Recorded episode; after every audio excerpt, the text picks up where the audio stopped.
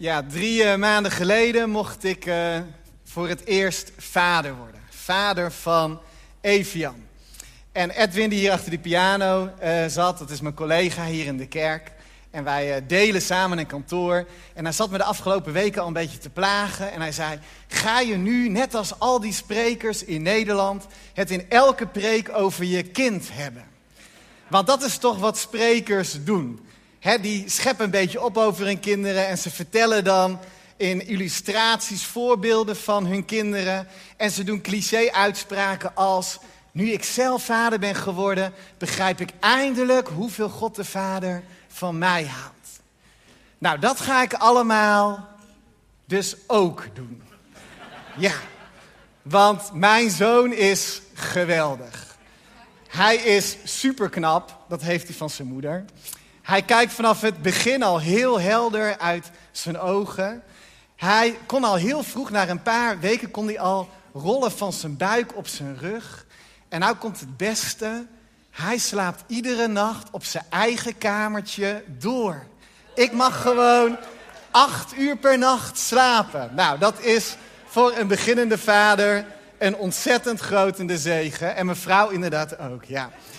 Ik mag overigens van mijn vrouw dit niet vertellen eigenlijk. Dus nou, ik doe het nu wel. Ze is er vanavond toch niet bij, want ze is bij, uh, bij Evian. Want ze zegt, andere mensen raken daar gefrustreerd van als je zulke dingen vertelt. Dat moet je niet doen. Maar ik ben een trotse vader. Ik ben trots op mijn zoon en dat wil ik heel graag vertellen aan iedereen die het maar horen wil. En Evian groeit ook heel snel. ik heb hier wat kleren meegenomen. Nou, deze allemaal niet van hem, maar dit truitje, dat was mijn lievelingstruitje. Die hebben we, hebben we van Jan Piet gekregen. En uh, dit was een oversized truitje voor Evian. Dus hij verzoop er een beetje in. Maar inmiddels past hij hem al niet meer aan. Steekt zijn buikje eronder uit, ziet er gewoon niet meer uit. En eerlijk gezegd vond ik dat best wel een beetje een pijnlijk moment. Want dat hele kleine babytje, dat is er nu wel van af. We waren gisteren bij, bij John en Lian. John die zingt hier ook wel eens op het podium bij Kingdom Culture. En zij zijn ook drie weken geleden ouders geworden. En ze hebben echt een piepklein babytje. En ik legde Evian ernaast neer om een foto te maken. En ik dacht, wow, wat een bolle kop heeft dat kind inmiddels al. Hij is in drie maanden zo hard gegroeid. En ja, die kleren die past hij niet meer. Dus deze lievelingstrui die ja, moet terug in de kast. En tegelijkertijd is het natuurlijk ook goed dat dat gebeurt. Want Evian is bedoeld om te groeien. Hij is niet bedoeld om baby te blijven. Hij is bedoeld om verder te komen in het leven. Om groter te worden, om sterker te worden. Zodat hij het leven meer en meer ook zelf aan kan. En bij elke fase horen nieuwe kleren. Ze zijn het bewijs dat hij groeit. En dat is geestelijk gezien ook zo. we kunnen eigenlijk heel vaak in onze relatie met God gewoon parallellen trekken met, met het gewone, natuurlijke leven. Ook als christenen zijn wij bedoeld om te groeien. Het moment dat jij Jezus leerde kennen, het eerste moment dat jij Hem echt ontmoette, was het begin van de reis die jij met Jezus mocht maken. En de Bijbel zegt op dat moment, was jij of ben jij een babychristen. Een baby in het geloof. Ja, een baby in het geloof is, is enthousiast, want je bent blij over wat je gevonden hebt in Jezus. Je, je bent dankbaar over datgene wat je in Hem hebt gevonden. Maar een babygelovige, een babychristen, is ook nog erg kwetsbaar. Hij waait makkelijk met alle winden mee. En hij kan ook nog makkelijk van zijn geloof afraken. En daarom is het belangrijk dat een babychristen, dat een babygelovige gaat groeien. Dat die fase in het leven doorgaat om daarin als christen sterk en groot te worden. En vandaag willen we gaan ontdekken hoe je dat doet. Hoe je als christen verder komt in het leven. Hoe je geestelijk groeit. En ik wil daarin beginnen met twee versen uit 1 Petrus 2, vers 2 en 3. En laten we ook bidden voor we het woord van God openen. Vader God, dank u wel voor uw woord. Dank u wel dat het levend en krachtig is en scherper dan enig tweesnijdend zwaard. Dank u wel dat het ons onderscheid geeft in dat wat van de wereld en van onze natuur is en dat van wat van u is, wat geestelijk is. Heer, en we bidden dat we uw woord tot ons mogen nemen als voedsel, waardoor we mogen groeien. En daarom bidden we, open onze harten, zodat we uw geest mogen ontvangen. En Heilige Geest, spreek ook door mij heen en zet kracht bij in de woorden die zijn van u. En dank u wel, Jezus, dat u hier naast me staat en mijn hand vasthoudt als ik ook dit woord met deze zaal mag delen. In Jezus' naam. Amen. 1 Petrus 2, vers 2 en 3. Daar staat precies hoe we kunnen groeien. Daar staat verlang naar het zuivere woord van Gods waarheid. Net zoals pasgeboren baby's verlangen naar pure, onverdunde melk. Want daardoor zullen jullie opgroeien. Door Gods woord zullen jullie proeven hoe goed en hoe vriendelijk de Heer is. Verlang naar Gods waarheid. Geestelijk groeien begint met verlangen. Verlangen naar God, verlangen naar Jezus, verlangen naar zijn woord, de Bijbel. Op precies dezelfde manier zoals een baby verlangt naar moedermelk. Nou, daar kan ik je ook wel wat over vertellen. He, Evian die helpt eigenlijk helemaal niet zoveel. Ook daarin is het gewoon een superkind. hij heeft twee heldjes die wel iedere dag terugkomen. En de ene is zijn vermoeidheid heldje. En die is niet zo heel erg. dat is een beetje een eentonig gezoom en dat gaat even een paar minuten door. En als hij dan eenmaal moe genoeg is, dan valt hij wel in slaap, dan houdt het op. Maar zijn andere heldje, die is moeilijk te verdragen. Dat is zijn hongerheldje. Oh, als hij honger heeft, dan kan hij de hele boel bij elkaar schreeuwen. En laatst gebeurde dat nog. Ik had mijn papadag en ik moest... Christina was aan het werk en ze had melk gekocht en in de diepvries gedaan. En ik moest die, die bevroren melk moest ik ontdooien in de flessenwarmer. Dus ik had helemaal in mijn hoofd een schema gemaakt van nou, na zoveel uur heeft hij weer honger en dan moet ik dan en dan dat ontdooien en dan is, uh, dan is de melk nog op goede kwaliteit en dan kan ik het aan hem geven. Maar net die dag besloot Evian dat hij een uur eerder honger kreeg. En mijn melk was nog bevroren. Dus ik in paniek, al bij de eerste snikken. Ik dacht, oh nee, dit gaat de verkeerde kant op. Dus ik pak die moedermelk en ik probeer te verwarmen.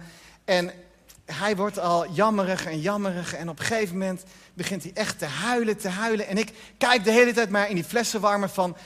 Kom, komen we al verder? En na tien minuten was het nog steeds een blok ijs met een klein plasje melk eromheen. En inmiddels was Evian helemaal rood aangelopen. Hij krijste het uit. Zijn oren en zijn haren waren helemaal doordrenkt van de tranen. Hij was overstuur en ontroostbaar. En ik was inmiddels al helemaal doof. En wat ik ook probeerde, niets hielp om hem te troosten, want het enige wat hij wilde was zijn melk. En uiteindelijk dacht ik, nou, dit gaat veel te lang duren. Dus toen ik maar van die poeder gemaakt en heb ik zo'n ander flesje gemaakt. Dat duurde ook nog vijf minuten, dus het werd nog extremer.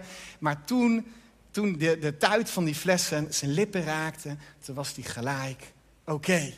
Hij had wat hij verlangde al die tijd. Hij had zijn melk. En dat is precies hoe het is bedoeld.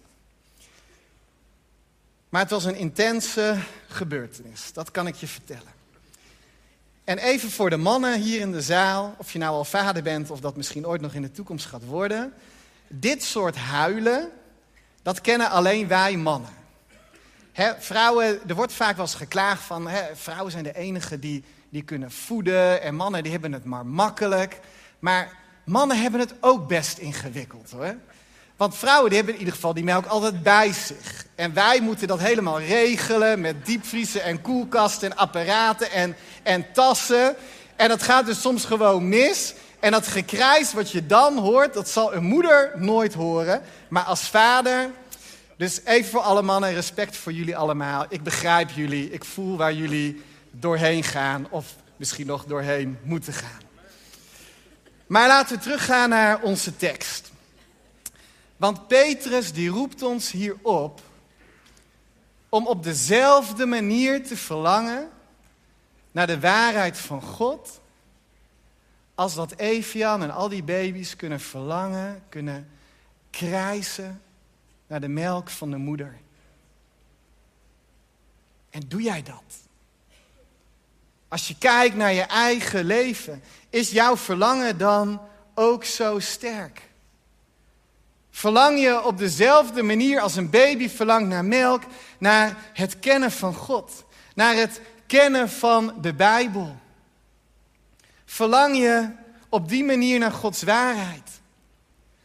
Dat je al dagen geleden uitkeek naar vanavond, want dan is weer Kingdom Culture en dan kan ik weer gevoed worden door het woord van God. Of dat je na een werkdag of een schooldag zo snel mogelijk naar huis fietst, want je kunt eindelijk weer studeren in je Bijbeltje. Of dat je, als je je dag ochtends niet bent begonnen met God, dat je dan de hele dag een beetje chagrijnig bent en gewoon niet zo lekker in je vel zit, want er mist iets in je leven. Verlang jij op die manier naar de waarheid van God, zoals een baby dat doet naar melk?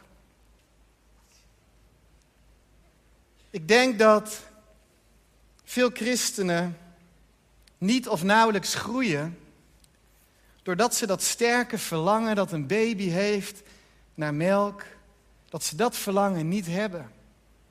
Naar God of naar zijn woord. En dat lezen we dan ook in Hebreeën 5, vers 11 tot en met 14. En dan zegt de schrijver van deze brief, waarschijnlijk Paulus, maar het kan ook iemand anders zijn geweest, dat weten we niet precies. Hij zegt daar, ik zou hier eigenlijk, en hier bedoelt hij mee dat Jezus hoge priester is, best wel ingewikkeld onderwijs. Ik zou hier eigenlijk nog veel meer over willen vertellen, maar het is moeilijk aan jullie uit te leggen. En dat komt doordat jullie nog niet veel hebben gedaan met wat ik jullie tot nu toe heb geleerd. Jullie geloven al een hele tijd. Jullie hadden al lang andere mensen moeten kunnen lesgeven over het geloof. Maar dat kunnen jullie niet, want jullie hebben zelf, jullie hebben zelf nog les nodig in de eerste eenvoudige dingen van het woord van God. Wat, wat dat betreft lijken jullie op baby's. Lijken jullie nog steeds op baby's. Baby's die nog melk nodig hebben en nog geen vast voedsel kunnen eten. Mensen die nog van geestelijke melk leven, zien het verschil tussen goed en verkeerd onderwijs niet. Ze zijn baby's in het geloof. Maar mensen die het geloof toepassen, kunnen vast voedsel krijgen. Door het geloof toe te passen in hun leven, hebben ze het verschil geleerd tussen goed en tussen kwaad. De schrijver van deze Hebreeënbrief is teleurgesteld als hij naar de kerk kijkt. Hij is teleurgesteld als hij naar christenen kijkt. Want hij merkt dat veel gelovigen, ondanks dat ze al jaren met Jezus oplopen, nog nauwelijks verder zijn gekomen. Ze zijn niet gegroeid. Ze staan stil. Ze blijven geestelijk gezien baby's. En dat is zorgelijk, want al die jaren van naar de kerk gaan en bijbelstudies volgen misschien, of naar jeugdkring gaan, of, of naar preken luisteren, die hebben er niet voor gezorgd dat ze inmiddels al een grotere trui aan kunnen trekken.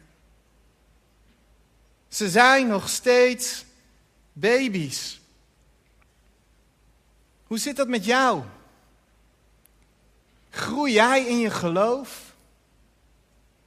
Verlang jij naar Gods waarheid, zoals een pasgeboren baby verlangt naar moedermelk? En begrijp me niet verkeerd, wij vinden het fantastisch dat jij hier vanavond bent. We houden van je en we genieten van jou. Maar als jouw geestelijk leven, als jouw relatie met God alleen maar bestaat uit één keer per maand naar Kingdom Culture gaan, of als jouw geestelijk leven, jouw relatie met God alleen maar bestaat uit af en toe een bijbeltekst te lezen, een dagtekst via, via een of andere app. Dan kan ik je verzekeren dat je over een maand nog op dezelfde plek bent als vandaag. En dat je over een half jaar nog steeds op dezelfde plek bent als nu. Dat je over een jaar of zelfs over vijf jaar nog niks verder bent gekomen dan dat je nu al bent. Verlang jij naar het woord van God als een baby verlangt naar melk? Als dat niet zo is en je groeit niet, dat zou eindeloos zonde zijn. Want God wil gekend worden. Hij wil zoveel dieper met jou gaan. Hij heeft je nog zoveel meer te vertellen. Geloof me, een mensenleven is niet lang genoeg om ook maar een piepklein beetje van God te doorgronden. Hij is altijd meer en altijd mooier en altijd groter en altijd beter dan dat jij je kunt voorstellen. En hij verlangt ernaar dat jij dus groeit in je geloof. Dat je verder komt. Als we niet verlangen, dan staan we stil. Als we niet verlangen naar het woord van God, dan worden we wel gevoed door andere dingen. Jan Piet is ons net voorgegaan in het bidden voor, voor negatieve gedachten. En dat kan een ontzettende worsteling zijn. Ik heb ook in mijn leven daar veel tegen moeten strijden. Maar als je alleen maar af en toe voor je daarin laat bidden, dan kom je daarin niet verder. Je moet de woorden, je moet de waarheid van God leren kennen. Je, moet weten wat Hij over je denkt. En als je zijn woorden drinkt als een baby die melk drinkt, dan gaan je gedachten veranderen. Maar als je dat niet doet, dan hoor je alleen maar wat de wereld over jou te vertellen heeft. Die jou leert dat je meer gericht moet zijn op jezelf. Dat je meer van jezelf moet houden. Dat je met niemand rekening moet houden, maar vooral met jezelf. En het resultaat is dat ons hele land in puin ligt. Met mensen die gebroken zijn tot aan het bot. De waarheid van Jezus is dat je niet zoveel bezig bent met jezelf, maar dat je met Hem bezig gaat. Als je ontdekt hoeveel Jezus van jou houdt, dan ga je wel anders naar jezelf kijken. Dat is de waarheid van Jezus. Dan worden je gedachten vernieuwd. Oh, kwamen we maar verder. En ik hoor veel jongeren zeggen: Ja, als ik bij Kingdom Culture ben, of als ik naar opwekking ga, of naar de EU Jongerendag, dan wil ik wel. Dan, dan, dan heb ik dat verlangen wel. Maar dan ga ik maandag weer naar school en dan zakt het alweer af. En dan dinsdag ben ik het allemaal alweer kwijt. En dan zijn we nog maar twee dagen verder. Mijn verlangen is gewoon niet sterk genoeg. Mijn verlangen is gewoon niet groot genoeg. Hoe moet ik daarmee omgaan? Nou, hoe kun je je verlangen allereerst laten groeien? Ik wil als voorbeeld sushi nemen. Wie van jullie heeft nog nooit sushi gegeten? Kijk, best wel veel mensen. Jullie hebben nog nooit sushi gegeten. En jullie weten dus ook niet hoe dat proeft. Jullie kennen de smaak niet van sushi. Maar nu aan de andere mensen die het wel eens hebben gegeten. Wie is net als ik gek op sushi? Heerlijk eten. En dan aan de mensen die nu hun hand op, omhoog hebben nog een vraag. Wie dacht bij de eerste keer sushi? Nou, iedereen is er wel zo enthousiast over, maar ik moet het nog maar zien. Ik heb er niet hele hoge verwachtingen van. Exact. Dat was dus ook hoe ik me voelde toen ik de eerste keer sushi ging eten. Ik bedoel, je kon ook een hamburger met patat kiezen. Waarom rijst met een beetje vis erin of zo? Maar nadat ik het één keer had gegeten, oh, ik heb nu echt dagen dat ik ochtends wakker word en dat ik al denk, ik heb zin in sushi. Vanavond gaan we sushi eten. Pas nadat ik het heb geproefd, weet ik waar ik naar moet verlangen. En zo is het ook met de waarheid van God.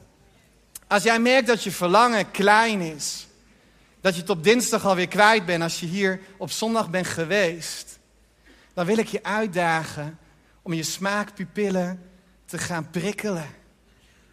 om je eetlust te gaan uitdagen. Om dingen te gaan doen die je nog nooit eerder hebt gedaan. Om daarin nieuwe dingen te proeven van God. Ga eens een keer alleen wandelen in een park of in een bos. Bij het Paatswoldse meer doe ik heel vaak. Zonder je telefoon, alleen jij en Jezus. Of zoek eens leeftijdsgenoten op. Misschien die nu naast je zitten en vraag: zullen wij samen God gaan zoeken? Ik vind het moeilijk om alleen te doen. Zullen we samen eens in de week of eens in de twee weken bidden en, en Bijbel lezen? Misschien moet je eens proberen om een mentor te zoeken, een coach. Iemand die jij in je kerk ziet, in deze kerk of als je naar een andere kerk gaat, in je eigen kerk, dat je denkt van, wow, hoe, hoe hij of zij leeft met God, dat zou ik ook wel willen. En vraag aan die persoon, wil jij een tijdje in mijn leven investeren? Want ik wil graag nieuwe dingen ontdekken over God. Ik wil graag zijn waarheid voor mijn leven leren kennen. Als je verlangen klein is, daag jezelf dan uit. En op het moment als je manieren vindt waarin jouw verlangen begint te groeien, dan zul je zien dat jij ook verder komt in jouw reis met Jezus. Dat je steeds groter en krachtiger en sterker wordt. Ik wil je uitdagen om een leerling te worden. Want een leerling, die groeit. Een leerling, die komt verder in zijn reis met Jezus. Maar, en nu hè, in de Hebreeënbrief wordt, wordt er nog iets aangeraakt voor een andere groep.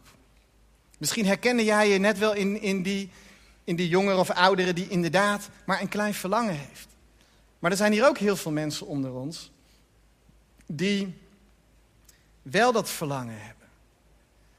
En die al jaren met God leven. En ze waren ooit enthousiast begonnen. En ze wilden geen dienst missen. En ze waren bij elke conferentie en ze wilden alles pakken over de waarheid van God. En ja, ze begonnen te groeien. En ze hadden vanzelf een grotere trui nodig. En nog geen. En op een gegeven moment komen ze op een punt dat ze denken: ja, ik heb elk verhaal uit de Bijbel al wel een keertje gehoord. Niet zoveel zin meer om de Bijbel te lezen, want ik lees toch nooit meer iets nieuws. En die preken, die worden op een gegeven moment ook een beetje hetzelfde. Hè, die preken, die ken ik allemaal ook al wel. En wat heel veel christenen dan gaan doen, is mijn ervaring na twintig jaar in de kerk gewerkt te hebben, is dat christenen dan op de grond gaan liggen en beginnen te krijsen en te spartelen en zeggen: Ik wil nieuwe voeding. En ze zeggen dan niet nog: Ik wil nog melk, want dat heb ik al gehad. Nee, ik wil vast voedsel. En daarmee bedoelen ze: Ik wil dieper het woord in. Ik wil moeilijkere preken. Ik wil Grieks en ik wil Hebreeuws begrijpen zodat ik naar de grondtekst kan. Ik wil dieper gaan. Ik wil alles begrijpen. En we denken met elkaar, en dat hoor ik ook heel vaak in de kerk, dat dat vast voedsel is. We hebben behoefte aan vast voedsel. Maar daar is precies een misvatting over. Want wat deze christenen vaak niet beseffen, is dat ze eigenlijk volwassenen zijn die zich proberen te wringen in babykleren. Stel dat ik nu dit truitje probeer aan te trekken hier voor jullie allemaal. Het zou niet alleen heel ongemakkelijk zijn voor mij, maar ook voor jullie allemaal. Het zou ook heel ongepast zijn. Want ik ben niet bestemd om nog gevoed te worden als ik gegroeid ben met Jezus. Als ik op een gegeven moment op die plek ben gekomen dat ik mezelf een volwassen christen kan noemen, dan ga ik niet langer naar de kerk of naar de Bijbelstudie om nog weer door andere mensen gevoed te worden. Nee, dan kom ik op de plek dat ik zelf verantwoordelijkheid kan nemen en dat ik op mijn eigen benen kan staan om dat onderwijs tot mij te nemen wat ik nodig heb. God heeft genoeg voor jou klaar. Als jij niet meer zoveel haalt uit preken, zoek dat dan in je eigen relatie met God. Laat je trainen door de Heilige Geest zelf. Het is niet de bedoeling dat jij je hele leven afhankelijk blijft van jouw pastor of je dominee.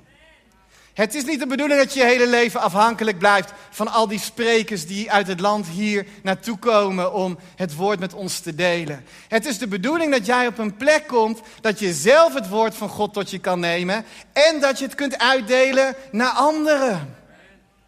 De schrijver van de Hebreeënbrief zegt: Jullie hadden al lang allemaal leraren moeten zijn. Jullie hadden zelf al moeten lesgeven. Jullie hadden zelf hier op het podium moeten staan. Nou, dat misschien niet eens. Want dat is niet per se voor iedereen. Maar we zijn wel allemaal bedoeld om op een plek te komen waar we anderen kunnen meenemen in de waarheid van God. Waarin we andere mensen kunnen leren. En misschien betekent dat voor jou dat je op weg bent met Jezus en dat je al gegroeid bent en dat je denkt van, joh, het lijkt mij heel mooi om grote broer of zus te worden in deze kerk en met een groep kinderen op te trekken en alles wat ik geleerd heb over Jezus aan hun uit te delen. Of misschien betekent het voor jou, ik ga mee met de Meiweek. Ik wil die wijken in hier in, in deze stad om, om andere mensen te vertellen over Jezus. Misschien is het tijd dat jij jeugdleider wordt. Omdat je al zoveel hebt mogen ontvangen van wat God wilde geven aan jou. Dat je nu ook mag uitdelen aan die generatie die net onder je zit. Misschien mag jij, zoals we net hebben gekeken, gespreksleider worden bij een alfa-cursus. Om daarin mensen die zoekende zijn te leren. En misschien is het ook wel voor jou dat je inderdaad op dit podium komt. En dat jij het woord van God aan ons leert. We zijn bedoeld niet om leerlingen te blijven, maar om van leerlingen te groeien naar leraren. En soms is dat maar voor één persoon. Voor één persoon met wie jij een tijdje mag optrekken. En mag spreken in zijn of haar leven. Dus de schrijver van de Hebreeënbrief die kijkt naar al die krijzende babygelovigen die al lang volwassenen hadden moeten zijn. En hij zegt verbolgen, jullie hadden al lang andere les moeten geven over het geloof. Jullie hadden allemaal al lang leraar moeten zijn. Hoe kan het dat jullie nog steeds je als baby's gedragen? Lieve mensen, it's time to grow up. Gedraag je naar je geestelijke leeftijd. En het kan zijn. Nee, trek geen trui aan die veel te klein voor je is. Blijf niet je hele leven afhankelijk van andere christenen. Trek geen trui aan die te klein voor je is. Gedraag je naar je leeftijd. Deel uit wat God in jouw leven heeft geplaatst. Want je bent al lang geen baby meer. Het is tijd dat je verantwoordelijkheid neemt voor je eigen groei en gaat uitdelen. Maar het is ook niet de bedoeling dat je een trui aantrekt die te groot voor je is. Die je op die manier niet past. Doordat je bijvoorbeeld naar mensen kijkt en denkt, oh, ik zou wel als hem of haar willen zijn. Zoals Edwin hier bijvoorbeeld podium of Leonie, die zo mooi staat te zingen. Of bepaalde sprekers of leiders. Of mensen in je eigen omgeving. Dat je denkt, ik wil wat zij hebben. Oh, er is geen grotere roof van, van vreugde dan het vergelijken met anderen. Laten we ons niet vergelijken.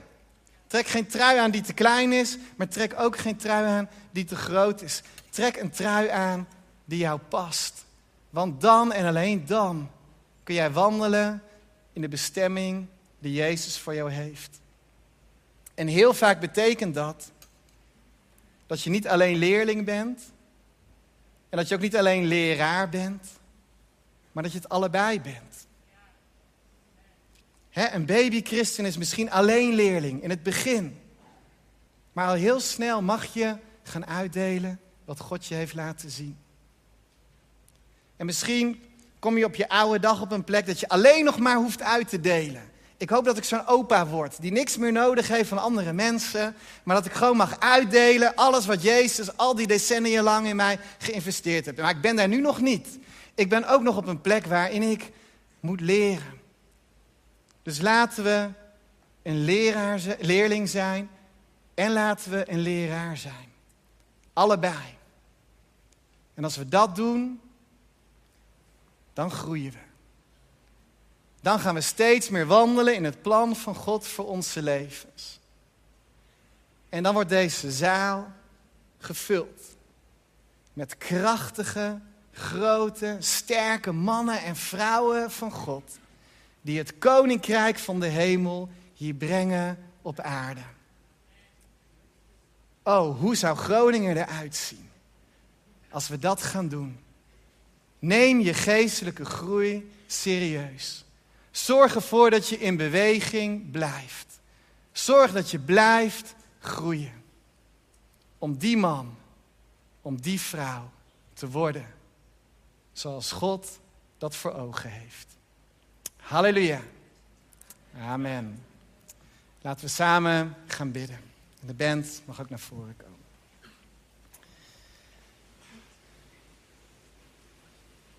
Dank u wel, Vader God, voor uw woord.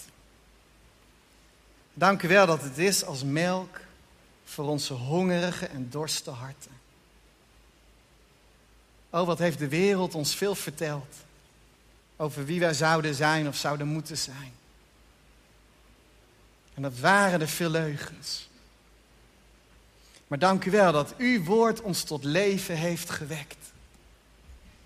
En dat we ook in deze zaal met zoveel mensen zitten die u hebben leren kennen. Die hebben geproefd van uw goedheid en uw vriendelijkheid. En daarna verlangden naar meer. Dank u wel dat uw woord in ons werkt. En dat we door uw woord steeds krachtiger en sterker en groter in u mogen worden. Heer, en we bidden op dit moment. Heer, dat u onze harten raakt. We bidden voor nieuw verlangen. Als we hier zitten met zoveel mensen.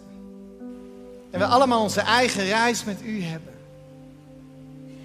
Ook dan weten we dat veel van ons nieuw verlangen nodig hebben. Omdat we zo vaak, zo weinig met u bezig zijn. Dat er zoveel momenten zijn dat we heel veel andere dingen belangrijker maken dan u. Ons gezin of onze vrienden of onze hobby's, onze school, onze, ons werk. Heer, we bidden dat u nieuw verlangen geeft. En dat u ons ook de moed en de durf geeft. Om stappen daarin te zetten en onszelf uit te dagen.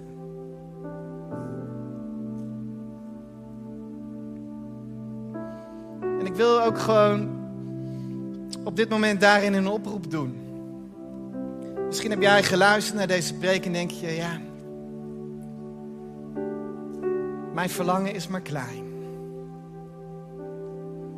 Misschien is dit wel de eerste keer sinds hele lange tijd dat je in een kerk bent.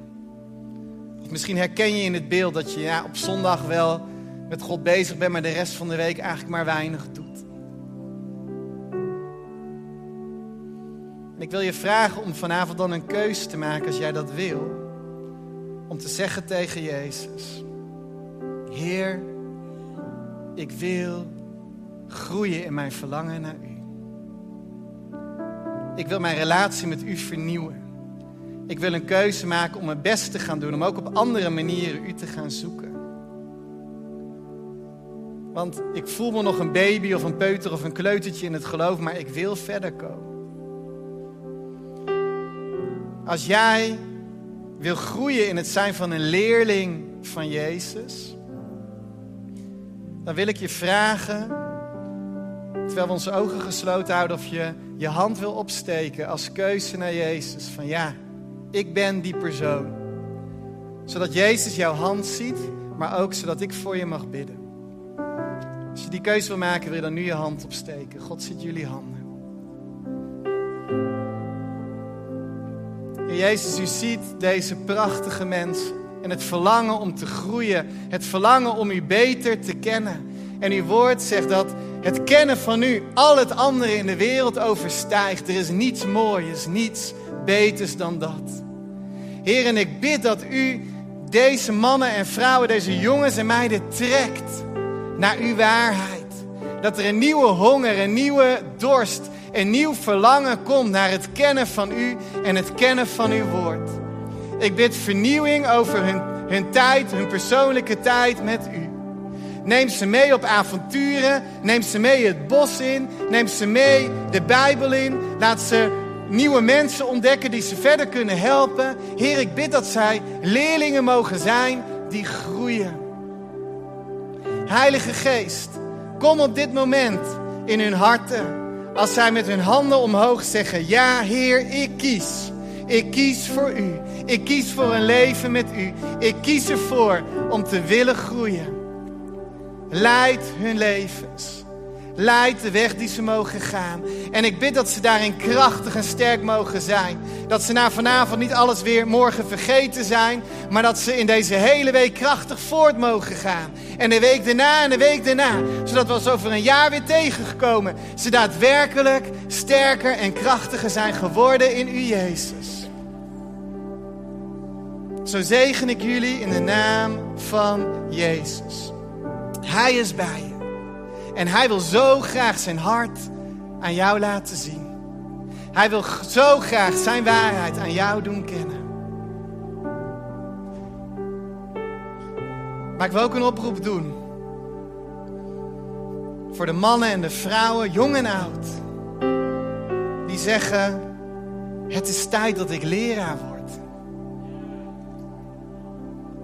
Ik heb al die jaren in de kerk gezeten om alleen maar tot me te nemen. Kom maar met al die mooie liederen en al die mooie preken. En de ene keer vind ik het mooi en de andere keer niet. Maar je was steeds gericht alleen maar op wat jij er voor jezelf uit kon halen. En de Bijbel zegt, God zegt, het is tijd dat jij een leraar wordt. Tijd dat jij gaat uitdelen wat jij van mij hebt ontvangen.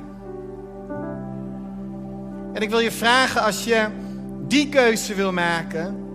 En dat is niet een keuze die verborgen hoeft te blijven. Of je dan in alle openheid wil gaan staan in deze zaal en wil zeggen: Ja, Heer, ik wil door u gebruikt worden als leraar. Ik wil gaan uitdelen wat u in mijn leven geplant heeft. Als jij die keuze wil maken, wil je dan op dit moment gaan staan. Jong en oud, misschien ben je nog maar 20, misschien ben je nog maar een tiener, maar heb je nu al het idee God heeft me al zoveel gegeven. Misschien ben je ook al wel 40, 50 jaar onderweg en moet je onderkennen dat je, dat je nog veel te weinig doet met wat God in jouw leven heeft gelegd.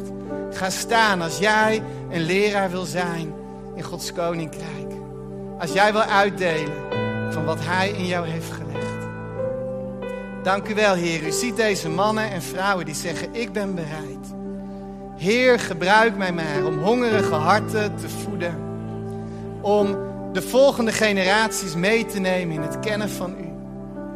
En ik bid dat u ze zegent met kracht, met liefde, met wijsheid, met inzicht, met fijngevoeligheid. Dat u ze zegent met uw geest. Dat u ze brengt precies op die plekken waar zij leraar kunnen zijn. Waarin ze mogen uitdelen datgene wat u in hen heeft gelegd. En ik bid dat ze daarin vrucht mogen dragen, veel vrucht. Dat mensen in hun nabijheid tot geloof mogen komen. Dat mensen in hun nabijheid u beter mogen leren kennen. Jezus, gebruik ze om uw koninkrijk te bouwen. Het koninkrijk van de hemelen. Hier op aarde. En als dienstknecht van Jezus zegen ik jullie daarmee. In de machtige naam van Jezus Christus. Hij leeft in jou. Ga met Hem. In Jezus' naam.